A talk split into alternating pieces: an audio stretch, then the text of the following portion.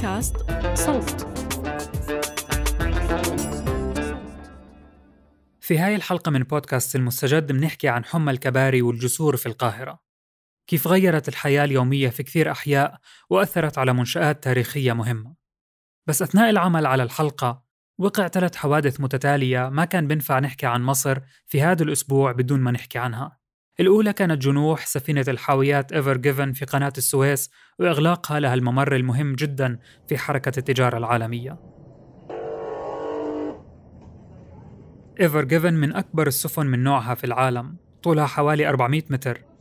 في كل ساعة بتمر على بقائها عالقة في القناة بيتكبد الاقتصاد العالمي والمصري خسائر كبيرة لأن السفن المحملة بالسلع تستنى الفرج على جانبي القناة.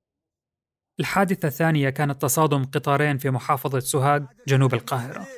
قول لهم الغلابة دعكوا تحت الحجر. قول لهم الغلابة اللي ما معهمش حق المكيف ركبوا بتاع الفقارة.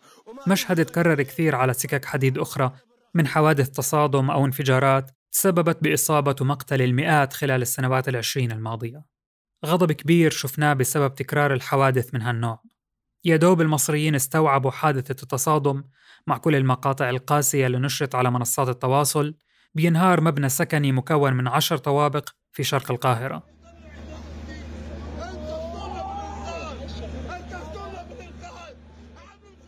طواقم الإنقاذ انتشلت 18 جثة من أنقاض المبنى اللي يبدو بني على أساس مخالف للمعايير. فساد يدفع ثمنه المواطنين اللي ما عندهم أي مكان آخر أكثر أمانا للسكن. إحنا غلابة ما لناش ثمن. بالسبعين راجل ما حدش قادر يعمل له حاجة. حسبي الله ونعم الوكيل في كل مسؤول. حسبي الله ونعم الوكيل في كل مسؤول. مرة تانية بحلقة اليوم نسأل ليش القاهرة المدينة اللي بتحتل الترتيب السابع من حيث الكثافة السكانية حول العالم تحولت لمدينة جسور أو كباري؟ شو بيحكي سكان الأحياء المتأثرة؟ وكيف هاي المنشآت الجديدة اللي المفروض تحل أزمة المرور الخانقة عم بتأثر على المشهد البصري في المدينة؟ اسمي أنا اسمي سناء يوسف. أنا مهندسة معمارية ومهندسة تخطيط مدن مصرية وعايشة في مصر الجديدة وحزنانة عليها. حبينا نحكي مع سناء في هاي الحلقة لأنها أولاً واحدة من سكان مصر الجديدة سكنتها أكثر من 30 سنة. وثانياً لأنها مهندسة راقبت التحول الكبير على منطقتها خلال كل هالسنين. شفت إن القاهرة ابتدت تبقى قاهرة كبري كنا القاهرة ذات ألف مئذنة بقت ذات ألف كوبري يعني. طبعاً نحكي ألف كوبري بالقاهرة كنوع من المبالغة. في مصر بشكل عام رح يتنفذ ألف كوبري علوي ونفق بتكلفة 130 مليار جنيه ما يعادل أكثر من 8 مليار دولار ورح يكون جزء كبير منها من نصيب العاصمة. وهذا جزء من الخطة اللي بدأ الحديث عنها في سنة 2014 مع تولي الرئيس عبد الفتاح السيسي للحكم. الهدف هو حل أزمة المرور الخانقة في هالمدينة المكتظة. أنا لازم أعترف إن المرور بقى أفضل أوكي؟ لكن في الآخر المفروض إن المدينة مدينة البشر اللي عايشين فيها مش مدينة السيارات اللي بتتحرك فيها. يعني لازم يبقى في حلول أخرى من إحنا دايما بنخضع لاحتياجات السيارة. طب فين احتياجات بقية البني آدمين اللي مش راكبين سيارة؟ سناء بتشوف الكباري بتنبنى أمامها وبتكبر يوم بعد يوم. في ال 30 سنة اللي فاتوا قبل مشاريع الكباري الكتيرة دي كان طبيعي إن إحنا بنقضي كل مشاورنا في منطقة الميدان اللي إحنا عايشين فيه البلوكات اللي حوالينا على رجلينا. دلوقتي بقى مستحيل إن واحد يعدي الشارع الواحد عشان يعدي الشارع يعني بيجازف بحياته. إحنا خدتنا أكتر من شهر عشان نتعلم الطرق الجديدة ونعرف نروح أصلا يعني.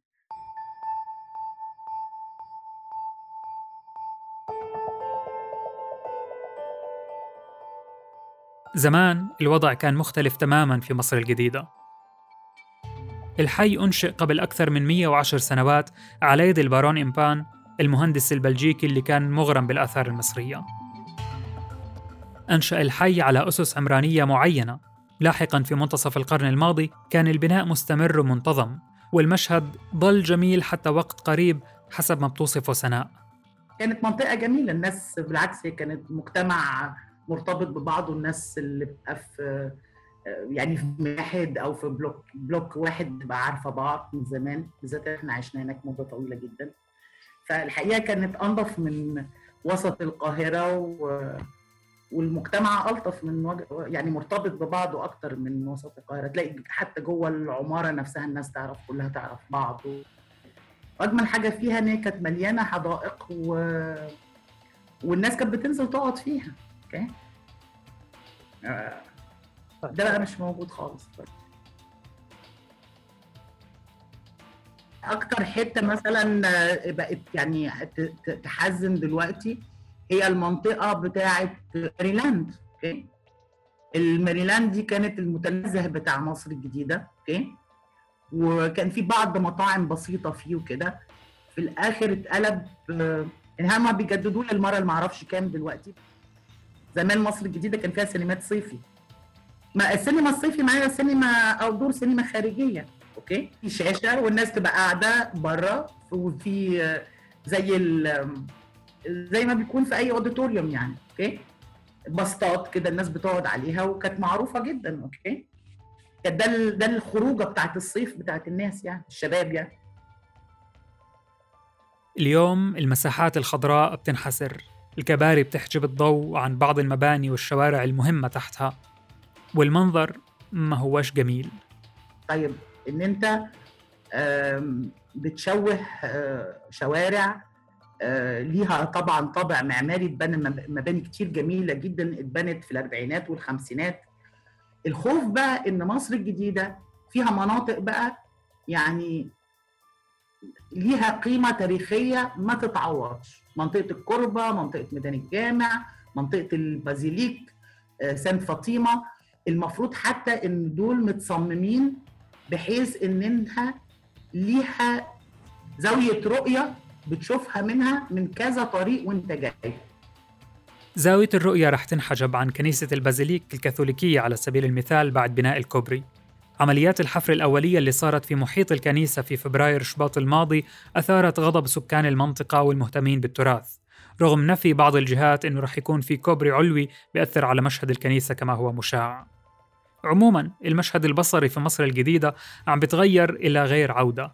الأمر اللي دعا سكان المنطقة لنشر بيانهم الرافض لمنظومة الكباري اللي بتتشيد خلال الأشهر ال15 الأخيرة. انتقدوا التفريط بالترام التاريخي في المنطقة وعشرات الفدادين من المساحات الخضراء. عدا عن الكنائس ومئات المنازل والعمارات اللي راح تتلوث بسبب عوادم السيارات في نهاية المطاف. فمصر الجديدة ما عادتش خضراء أوكي؟ والكباري بتصل طبعا بتغطي لحد الدور الثالث في عمارات كتيرة جدا آه، اللي هي بتعدي من قدامها. فطبعا ك ك ك مرجع بصري اتغيرت. المنظر اللي إحنا بنشوفه وإحنا بنمشي أو بنبص من شبابيكنا في مصر الجديدة بقى مختلف.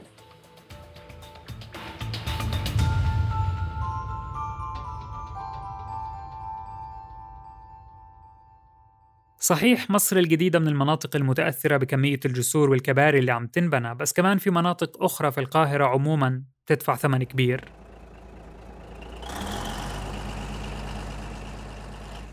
في منتصف العام الماضي صحي حراس مقابر المماليك المعروفة بالأرافة على أصوات البلدوزرات وهي عم تجرف الرصيف الموازي للمدافن. الحفريات كانت لصالح توسعة طريق صلاح سالم واحد من أكبر الشوارع في القاهرة. أزيلت أجزاء من أحواش المقابر وأثيرت معها ضجة كبيرة. إن هي ده المرجع البصري بتاعنا. أنا لما عاوز أشوف المعمار المصري أوكي نبع منين ونبع إزاي وتفاصيله شكلها إيه ومقاييسه شكلها إيه؟ ده أحد المراجع المهمة جدا إن الناس تنزل تدرس الحاجة دي اتصممت إزاي وتنفذت إزاي وتفاصيلها شكلها إيه وأبعادها شكلها إيه ونسب أبعادها شكلها إيه دي مدرسة. فلما آجي أنا أهد ده عشان سيارات تعدي لأ. يعني تاريخ مصر يسوى أكتر من السيارات. لاحقا نفيت الأخبار اللي بتحكي عن تأثر القبور الإسلامية في داخل الأرافة. وإنه الهدم كان ضروري وتم في مناطق أقل أهمية. بالمقابل المؤكد إنه في مقابر هدمت مع أسوارها وبيعود جزء منها لشخصيات مهمة في التاريخ المصري الحديث. رغم هيك ما بيعملها القانون كآثار لأنه مضى عليها أقل من 100 عام. ومن هون بنسمع أصوات رافضة بتأكد أنه المنشآت اللي إلها خصوصية وارتباط وثيق بالتاريخ والتراث مهم الارتقاء فيها وتسجيلها كأثر حتى لو عمرها كان أقل من 100 عام.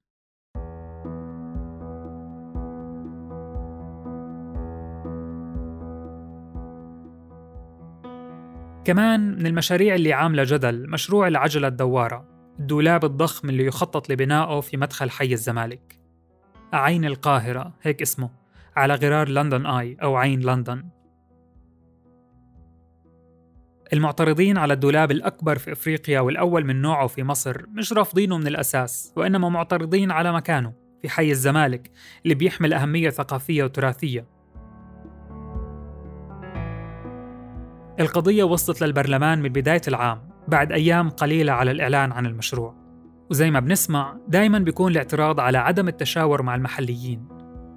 الأعرف بخصوصية مناطقهم ومشاكلها. الجدل مش بس محصور فقط بالمصريين. آخر ما ورد عن اليونسكو منظمة الأمم المتحدة للتربية والعلوم والثقافة بينذر في تغير محتمل في النظر لمشاريع الحكومة المصرية في قلق تجاه الأماكن المصنفة كتراث عالمي.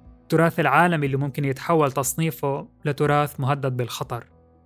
سناء خلال حديثنا معها بتقارن اللي بيصير في مصر في مناطق أخرى بالعالم.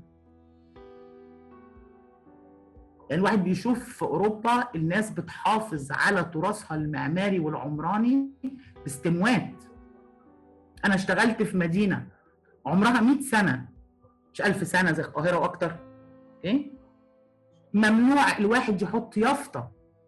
على محله من غير ما ياخد إذن من البلدية عشان يتأكدوا إنها ما بتخالفش الطابع التراثي بتاع المكان. وإحنا المخططين بتاعتنا لازم تفكر كده. لازم الفكر يبقى شمولي.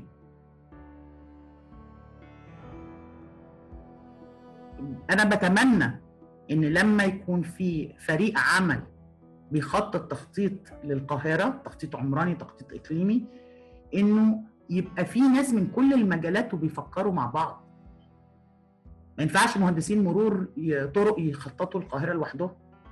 والواحد إحساسه إن ده اللي بيحصل. وأهل مصر الجديدة الحقيقة مصر الجديدة أو القاهرة كلها اللي عايز يحافظ على منطقته يعلى. إن لازم يبقى في في يعني صوته يعلى مش معنى إن الناس تعمل دوشة وتعمل مشاكل.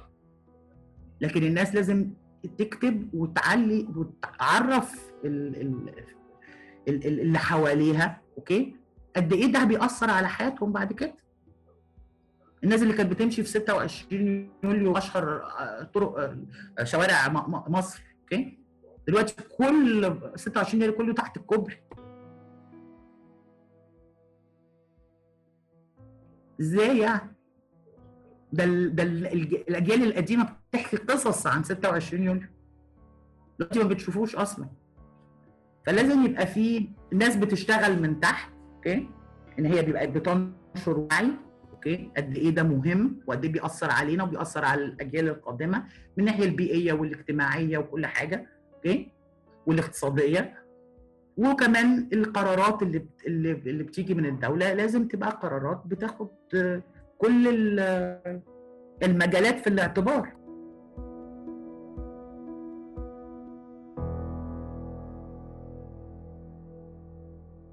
الدولة المصرية واضحة في هدفها بدنا نخفف أزمة المرور ونقلل وقت المواطنين الضائع في الشوارع أثناء الانتقال من نقطة لأخرى ونقلل كمان من تكاليف الوقود المهدورة بس السؤال هل ثقافة السيارات هي ثقافة محمودة بيئياً؟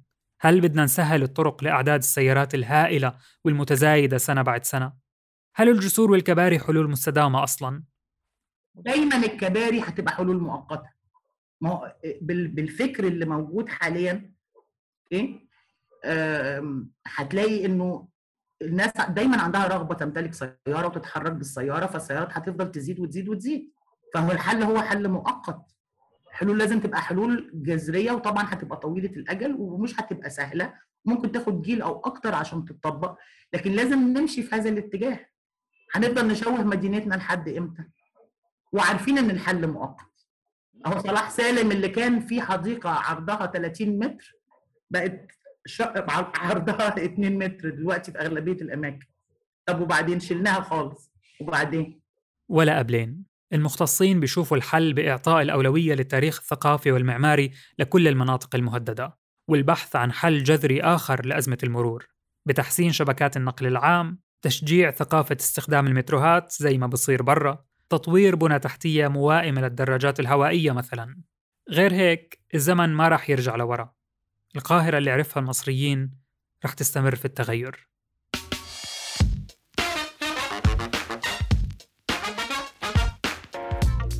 بودكاست المستجد من إنتاج صوت. كنت معكم محمود الخواجة من الكتابة والتقديم روان نخلة من البحث ومحمود أبو ندى من المونتاج الصوتي. ما تنسوا تشتركوا بقنوات المستجد محل ما بتسمعوا بودكاست.